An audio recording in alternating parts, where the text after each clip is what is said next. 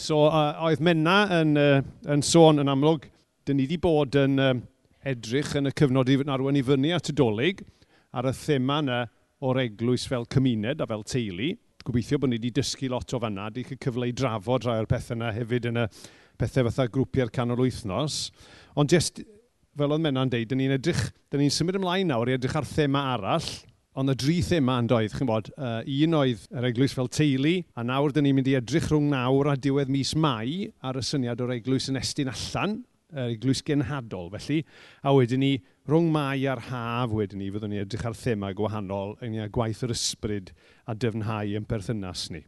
Fel oedd Menna'n esbonio, a nath rhys grybwyll e disil dwytha, dyn ni'n dechrau edrych ar yr eglwys genhadol. A pan dyn ni'n defnyddio term fel cenhadol, mae'n ma, ma, dod ar yw syniadau i'n penning a be mae hynny'n feddwl yn dyfa.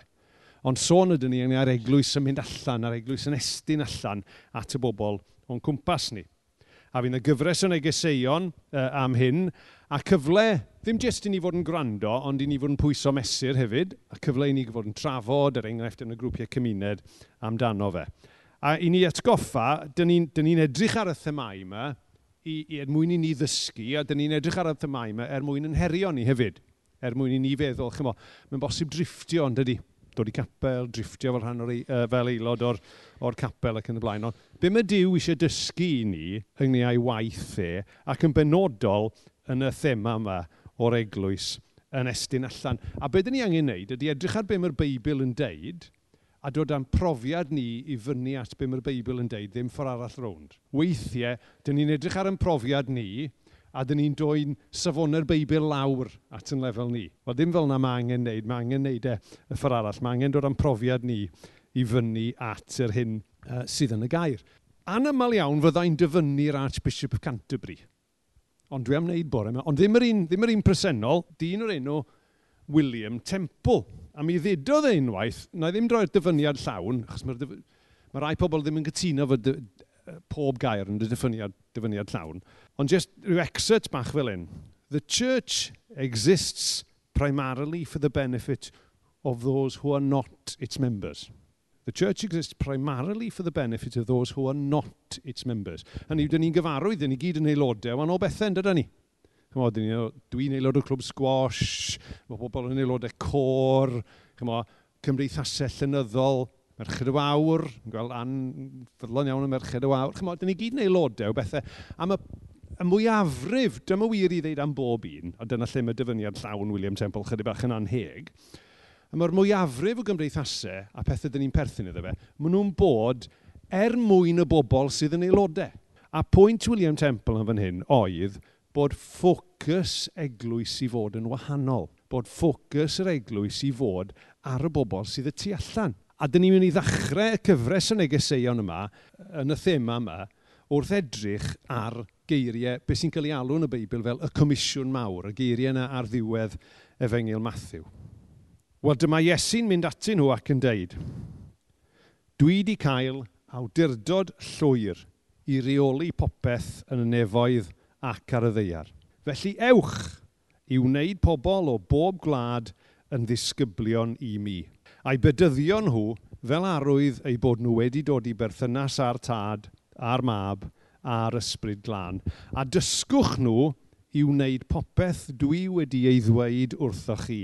Gallwch chi fod yn siŵr y byddai gyda chi bob amser nes bydd diwedd y byd wedi dod. So maen nhw'n eiriau dyn ni wedi clywed llwyth o weithio o'r blaen, chymod, geiriau ola uh, efengil Matthew. A fel yn dweud, dros y gyfres yn y misoedd sy'n dod, fyddwn ni'n edrych, a dyn ni wedi bod yn sôn chydig bach, y bore yma yn y gwaith oedd Rodri'n sôn amdano fe, yn y gwaith oedd Menna'n sôn amdano fe, dyn ni'n gallu meddwl am ffyrdd gwahanol o estyn allan a mae llan llanast dyn ni'n arbrawf arall yn dydy, o trio rhywbeth gwahanol er mwyn estyn allan at bobl, dangos cariad Iesu iddyn nhw, gadael iddyn nhw wybod am y newyddion da. Mae yna lawer o ffyrdd ac y gweddau gwahanol o be mae'n golygu i estyn allan, be mae'n golygu i fod yn gahenhadol, a fyddwn ni'n edrych ar rhai yn nhw dros y misoedd nesaf. Ond dwi eisiau ni ddechrau heddiw trwy edrych ar y comisiwn geiriau ola Iesu Grist i'w ddisgyblion ar y ddeiar yn dweud, dyma dych job chi achos mae hwnna'n bwysig. A mae yna dri pen, a dwi mor chyfft, achos maen nhw gyd yn dechrau efo py. So fydden nhw'n rili really hawdd i'w cofio. Dwi'n mynd llwyddo i wneud yn aml iawn, ond mae'r ein i gyd yn dechrau efo py. So, let's have a woo! Thank you, yes, da iawn. So, pwynt un, parodrwydd i fynd. Be di'n cymhellion ni? Be di'n motifs ni o ran estyn allan? Yn ail, pwrpas yn mynd ni. Pwrpas yn mynd allan a'r ffocws yn mynd ydy y term yma gwneud disgyblion. Gwneud pobl yn disgyblion. A wedyn y trydydd, pwer wrth fynd, bod yna nerth i gael ar gyfer y gwaith. So os ydych chi'n cofio dim byd arall bore yma, cofiwch tri peth yna. Parodrwydd i fynd, be di'n cymhelliad ni, pwrpas yn mynd, gwneud y disgyblion, a pwer wrth fynd bod ni'n cael nerth ar gyfer y gwaith. Parodrwydd i fynd oedd e'n gret bore yma'n doedd bod menna i dewis canu just y snippet bach yna allan o cariad gwyllt fy niw. Achos oedd cariad gwyllt fy niw yn droi rhyw tester bach i ni unwaith eto o cariad Iesu Grist. A sut un ydi e? Chi'n gyfer, ti'n chwilio amdana i. Dyna'i natur e. Dyna sut oedd e. Dyna pam ddath e'r byd. Achos fydde'n chwilio a bod eisiau estyn allan am bobl fel chi a fi ac am bobl fel bobl Gynarfon. I gyfeirio at emyn llawer llawer hun, chi'n gwybod? nid er ei fwyn ei hunan y daeth i lawr o'r ne, ond roi ei hun yn aberth dros eraill naeth e fe. Mae ffocws Iesu, os dyn ni eisiau dilyn esiampl Iesu Grist, os dyn ni eisiau gweld pam ddylen ni wneud e, wel, fydwn ni edrych ar Iesu, achos dyna oedd ei natur e. Oedd ei ffocws e ar bobl eraill, ei roi ei hun yn aberth dros eraill naeth e fe. So, dyn ni'n cael yn gwahodd i feddwl fel yna. Dyn ni'n cael yn gwahodd i feddwl y dylen ni fynd allan. A tydi mynd allan ddim bob amser yn hawdd. Weithiau mae chydig bach yn anghyfforddus. Mae, bod y cwestiwn yna chydig bach yn bizar. Ydyn ni yn byw fel cwningod? Na, mae hwnna'n yn gyfeiriad at ddyfyniad blynyddoedd yn ôl, a dwi dal yn siŵr pwy sydd wedi deud e, uh, rabbit warren Christians. A rabbit warren Christians ydy pobl, dyn ni'n deffro'n y bore yn yn teuluoedd Cresnogol, a dyn ni'n edrych allan reit, does na neb o gwmpas, fe rai fynd o fanna i fanna lle dwi'n cyfarfod efo mwy o grisnogion. A wedyn, dyn ni'n trilio chydig oriau efo nhw, a wedyn dyn ni, a dyn ni chwilio, o, oh, lle gael mwy o grisnogion eto, o, oh, a i fanna. A wedyn dwi'n mynd i'r cyfarfod, a dwi'n cyfarfod mwy o grisnogion. A wedyn dwi'n mynd adre yn nos, a dwi'n meddwl, hiw, dwi'n mynd i gorfod cyfarfod neb sydd ddim yn caru Iesu Grist. Na re, hwnna'n extrem. Okay? Hwna yn, yn, yn ddarlun, ddarlun eithafol. Ond pryd ydyn ni yn cyfarfod pobl sydd ddim yn rhan o deulu diw? Mae yna berig, mae'r gymuned yn bwysig a mae rhaid ni fod yn saff o gyda ni sylfaen da yn y gymuned o fewn yr eglwys ac o fewn teulu'r eglwys, ond mae'n yna berig i ni fod yn ynysig ac i beidio edrych allan. A mae unrhyw un yn gwybod, mae unrhyw gymdeithas sy'n ynysig yn marw. Hynny yw, mae hwnna jyst yn common sense. Os ydych chi'n ynysig, mae unrhyw gymdeithas yn marw. Ond be mae Iesu'n gwneud ydy, peidiwch a bod yn ynysig, ond ewch. Ewch a gwneud disgyblion, yn dweud. Ewch falle o lle ydych chi'n gyfforddus i falle lle ydych chi'n anghyfforddus. Nawr, ma, be mae'r ewch yn angolygu i chi a fi, yn medru amrywio, a fyddwn ni'n gweithio hynna allan dros yr, yr, yr, yr, yr misoedd nesaf. Dwi e ddim, chymo, Doedd e ddim o reidrwydd yn golygu mynd i wlad dramor. Mae gennym ni rai pobl yma sydd wedi dod o wlad dramor ato ni, a mwna'n gret. Ond dwi e ddim o reidrwydd yn golygu, dyw ewch ddim o reidrwydd yn golygu bod chi'n mynd i rywle arall. Mae ewch yn golygu, mae'n debyg, yn y mwyafrif o chosion, bod ni'n rhannu ei gariad a'i wirionedd e lle dyn ni. Efo'r pobl sy'n cwmpas ni, efo'r bobl dyn ni'n gweithio efo fe. Efo bobl dyn ni'n byw efo nhw, efo'n teuluoedd ni. Ac os dyn ni eisiau meddwl pam ddylen ni fynd, mi ddylen ni fynd oherwydd bod ni'n wrth fynd, dyn ni'n i fyddhau i'r un sydd â pob awdurdod. Chi'n cofio'r geiriau yna? Iesu Grist yn deud, cyn deithon nhw'n fynd allan, mae'n atgoffa nhw pwy ydi e. Mae'n deud bod e'n un sydd ag awdurdod llwyr i reoli popeth yn y nefoedd ac ar y ddeiar. Ond pan dyn ni'n meddwl am fynd allan, mae yna broblem, achos tydi gwneud fel mae rhywun arall eisiau ni wneud yn hytrach na beth ni eisiau wneud ddim yn dod yn naturiol. Os na mi un ohono ni yn naturiol eisiau ildio beth ni'n wneud er mwyn gwneud beth mae rhywun arall yn gwneud. Ond mae'r arglwydd yn gofyn i ni wneud hynny. Mi all ewch olygu mynd i le sy'n chydig bach yn anghyfforddus, lle sy'n chydig bach yn anodd, lle dyn ni chydig bach yn amoblogaidd efallai be wedodd Iesu wrth ei ddisgyblion wrth ei anfon nhw allan. Dwi'n eich anfon chi allan. Oedd hwn yn encouragement iddyn nhw yn doedd. Mae'n anfon nhw allan yn ei job. Dwi'n eich anfon chi allan fel defaid i ganol pac o fleiddiaid. Edrychwch ymlaen, ogie, ynddo fe? Dwi'n eich anfon chi allan fel defaid i ganol pac o fleiddiaid. Ond mae'n gofyn i ni fod â hyder wrth fynd allan. Mae'n gofyn i ni beidio bod â chwilydd. Pam oedd Rob Jones yma yn pregethu nath y ddyfynnu yr adnod yma o Rhyfeiniaid 1, adnod 16. Lle oedd Paul yn dweud, does gen ni ddim cywilydd o'r newyddion da o gwbl. Dyma'r ffordd rymus mae Dyw yn gweithio i achub pawb sy'n credu yr iddew a phawb arall. Mae'r ffaith bod yr efengil yn bwer grymus yn anogaeth i fynd allan. Os ti'n yn bwer grymus, mae'n newyddion da. Os ti'n yn bwer grymus, mae'n mae rhywbeth y dylai pobl arall wybod amdano fe. Ac felly mae hwnna'n anogaeth i ni fynd allan. So, mae yna elfen o i fyddhau yma, a mae yna elfen o hyder yma gyda'i gilydd. So, mae hwnna'n delio efo'n cymellion ni, yn parodrwydd ni i fynd. Wedyn, beth di pwrpas mynd allan? Beth di pwrpas estyn allan? Pam dyn ni'n gwneud hyn? Wel, mae'r adnodau yn sôn am gwneud disgyblion. A mae'n ddiddorol iawn bod e'n deud hynny. Sôn am gwneud disgyblion mae e. Dwi ddim yn sôn just yng dod â pobl i ffydd, ond mae'n y fwy iddo fe na hynny. Dwi ddim just tic, mae sôn sôn y deyrnas, na mae'n y fwy o waith i wneud. Dwi ddim yn gorffen fyna. Be mae bod yn ddisgybl yn golygu? Be mae bod yn ddisgybl yn golygu i chi a fi? Mae'n golygu dysgu, ond mae'n golygu dilyn. Dyna oedd patrwm pethau yn y cyfnod yni. Meddyliwch am sut oedd Iesu yn gwahodd pobl ato fe. Wrth i Iesu fynd yn ei flaen gwylo, ddyn o'r enw Matthew yn eistedd yn y swyddfa dollau lle roedd yn gweithio. Tyrd, dilyn fi, meddai Iesu wrtho.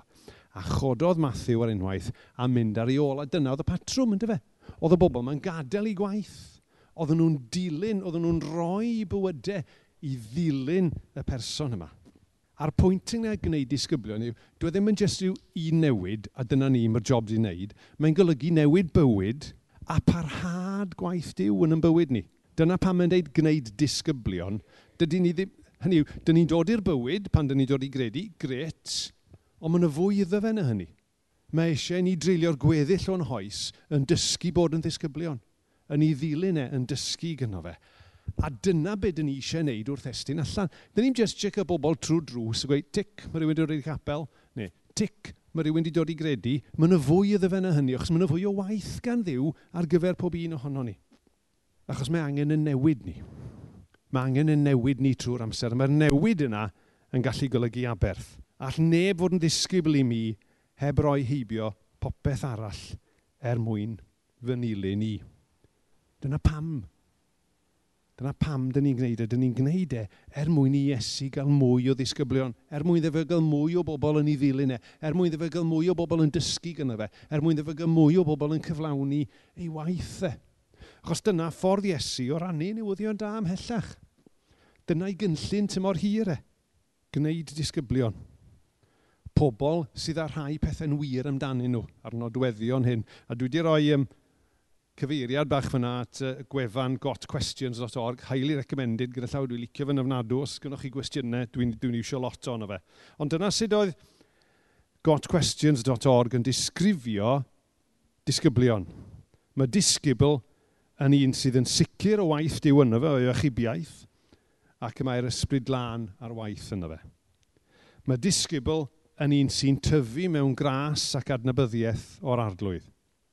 A mae disgybl yn un sy'n rhannu baich Crist dros bobl y byd. Cofio, misoedd yn ôl, ar John yn pregethu ar, ar y geiriau yma gyda ni. Mae'r cynheiaf mor fawr a'r gweithwyr mor bryn. Felly gofynnwch i arglwydd y cynheiaf anfon mwy o weithwyr i'w feiswydd. Ond dyna sut rai ydy disgyblion. Dyna sut rai ddylen ni fod. A dyna dyn ni eisiau i bobl eraill fod. A wedyn wrth estyn allan, y nod ni ydy cael mwy o bobl yn ddisgyblion iddo fe. Ddim jyst cael mwy o bobl yn dod i Gersalem neu mwy o bobl yn dod i beth bynnag, ond dod â pobl i fod yn ddisgyblion iddo fe. So dyna'n pwrpas ni. A mae chydig bach yn scary, yn dydy? Mae chydig bach yn, oh, gosh, dwi fod i wneud hynna. A mae medru codi ofn. Chmo, mae'n codi ofn ar ddwy lefel. Os dyn ni'n meddwl am mynd i bob gwlad, dyn ni'n meddwl, gosh, mae hwnna'n lot. Mae'r byd yn fawr, mae yna lot o wledydd. Sut ar wyneb deiar dyn ni'n gwneud y dasg yna? Mae'n medru bod yn sgeri o ran hynny, a mae'n medru bod yn sgeri ar lefel bersonol hefyd. Sut dwi'n mynd i siarad i'r person dwi'n eistedd nesaf atyn nhw ar y bus? Sut dwi'n mynd i siarad tu allan i'r ysgol pan dwi'n mynd i nôl y plant? Sut dwi'n mynd i ddangos cariad Iesu Grist at y person dwi'n gweithio efo nhw? Neu dwi'n gwirfoddoli efo nhw? Neu dwi'n cyfarfod nhw am baned? Sut dwi'n mynd i wneud hynny? A mae'n medru bod chydig bach yn sgeri. Ond, wrth roi'r comisiwn mawr, oedd Iesu Grist yn rhoi job, oedd yn rhoi pwrpas, ond yn roedd yn cynnig pŵer hefyd. Dyn ni ddim ar yn pennau'n hunain yn gwneud y dasg yma. Bydda i gyda chi bob amser. Rhaid ni gofio, a pwy ydy'r un yna? Yr un yna sy'n anfon ni yw'r un sydd wedi cael awdurdod llwyr. A diolch beth hefyd, mae'n un sydd yn enabod ni. Mae'n gwybod y bod ni'n wan. Mae'n gwybod yn deunydd ni. Yn yr adnod cyn yr adnodau nes i ddarllen yn gynharach, oedden nhw ar y sgrin yn gynt, oedd e'n deud am y disgyblion, dyma nhw'n ei addoli, ond roedd gan rai amheuon. Oedd e'n gwybod popeth amdanyn nhw. Mae'n gwybod popeth amdano chi a fi. Mae'n gwybod pan dyn ni'n stryglo. Mae'n gwybod pan mae gynnon ni ymheion, ond mae'n dal i roi'r job i ni. A mae hwnna chydig bach yn weird yn dydi. Mae'n gwybod pob dim amdano ni. A mae'n dewis gweithio trwy rai fel ni. Pobl gyffredin oeddech chi, ond chi wnaeth diw ei dewis. Y rhai twp i godi cwilydd ar y rai hynny sy'n meddwl eu bod nhw'n glyfar. Dewisodd Dyw bobl gyffredin yng ngolwg y byd i godi cwilydd ar y pwysigion hynny sy'n dal grym. So pan dyn ni'n edrych ar yn hunain, wrth gwrs dyn ni'n gweld yn bod ni'n wan. Wrth gwrs bod ni'n gweld bod ni chydig bach yn dwp a bod ni chydig bach yn styfnig a dyn ni'n gofyn i'n hunain, pam fysa Dyw yn dewis gweithio trwy bobl fel ni? ond mae'n gwneud. A mae'n gwneud hynny yn rhannol i ddangos bod y gras a'r pŵer yn dod, nid gynnwn ni, achos bod ni'n glyfar, neu bod ni'n talented neu rhywbeth fel hyn, ond mae'r gras a'r pŵer yn dod gyno fe. Mae e'n rhoi ei nerth e ar gyfer ei waith e. A fel y nogaeth i ni, mae'n deud i fod i waithau yn mynd i lwyddo. Weithiau, dyn ni'n ei weld e, a dyn ni wedi profi cyfnod o fendith, yn dyn Mae'n mae hyfryd bod yn rhan o gyfnod o fendith lle dyn ni'n gweld pobl yn dod, pobl yn dod i'r bywyd, pobl yn cael ei bydyddio, a mae'n gret. Ond weithiau mae'n y gyfnodau pan dyn ni ddim yn ei weld e. Ond grandwch be mae yr arglwydd yn deud nôl yn llyfr Ezeia. Felly mae'r neges dwi yn ei chyhoeddi – Dydy e ddim yn dod yn ôl heb wneud ei waith. Mae'n gwneud be dwi eisiau ac yn llwyddo i gyflawni ei phwrpas. A pwrpas gwaith diw, pwrpas gwaith yr eglwys, ydy gwneud disgyblion. Pwrpas dymuniad gwaith Dyw ydy cychwyn gwaith yn eich bywyd chi yn y mywyd i, y mywyd pobl falle dyn ni heb gyfarfod eto, y mywyd aelodau o'r teulu, y mywyd aelodau o'r, or cymdeithasau dyn ni'n aelodau ohono fe, y mywyd pobl sy'n byw drws nesau ni, y mywyd pobl dyn ni'n gweithio efo fo. Mae eisiau cychwyn gwaith yn nhw. Ond mae eisiau parhau'r gwaith yna hefyd. Byddwch chi'n gwybod, uh, a falle bod chi'n bord efo hyn erbyn hyn, mae un o fy hoff adnodau ydy'r adnod yma o Philippiaid uh, penod 1. Dwi'n hollol sicr y bydd Dyw sydd wedi dechrau gwneud pethau mor wych yn eich plith chi yn dal ati nes bydd wedi gorffen ei waith ar y diwrnod y bydd y Mesoea yn dod yn ôl. Mae hwnna'n wir i ni ac mae'n wir i bobl allan y fanna sy'n gwybod dim byd yn anodd eto. Mae'n wir i bobl allan y fanna sydd ddim falle wedi clywed enw Iesu Grist eto. Mae eisiau cychwyn gwaith yn nhw, a wedyn mae eisiau cwblhau y gwaith yna iddyn nhw. A mae Paul yn deud bod yn hyderus bod Dyw am wneud hynny. So, y 3 Ps, nes aff pawb yn cofio, parodrwydd i fynd, yn cymellio ni. Dyn ni'n cael, ni cael y fraint, ydy gwir, o ifyddhau i'r un sydd efo pob awdurdod ar y nefoedd ac ar y ddir. Mae'n deud wrthyn ni am fynd. Dyn ni'n cael y fraint o i fyddhau iddo fe. A mae'n deud wrthyn ni am fynd, falle o lle dyn ni'n gyfforddus, i rywle falle lle dyn ni'n anghyfforddus. Ond mae'n gofyn i ni, mae'n deud ewch. Pwrpas yn mynd allan ni ydy gwneud disgyblion. Nid jyst ennill pobl, nid jyst denu pobl i fewn. Ie, mae'n golygu gwneud hynny achos dyna lle mae'n dechrau, ond mae'n golygu mwy na hynny hefyd. Mae'n y gynllun tymor hir mae yna gynllun tymor hwy, mae yna waith tymor hwy. Mae ynglyn â gwneud disgyblion. Ond dyn ni'n gorfod gwneud hyn ar yn pen yn hunain. Mae yna bwer wrth fynd. Yn y pen draw, nid yn gwaith ni ydy e. I waith e ydy e. A mae e'n rhoi ei nerth ef ar gyfer ei waith ef ac fe fydd y gwaith yna'n llwyddo, fe fydd e'n cyflawni'r hyn mae Dyw eisiau ddefe wneud. A felly mae yna gwestiynau felly i ni fel rhai, os dyn ni'n bobl sy'n ystyried yn hunain yn ddisgyblio yn Iesu, ydyn ni'n barod? Ydyn ni sylweddoli beth yw yn gwaith ni? Ydyn ni sylweddoli'r nerth a'r awdurdod sydd tu cefn i'r gwaith yna? A dros y misoedd nesaf, gobeithio fyddwn ni'n edrych ymlaen i weld beth ymhellach mae Dyw eisiau i ni wneud a sut ymhellach mae Dyw eisiau ni i estyn allan i'r bobl sy'n mewn angen o'n cwmpas ni er mwyn i enw. Amen.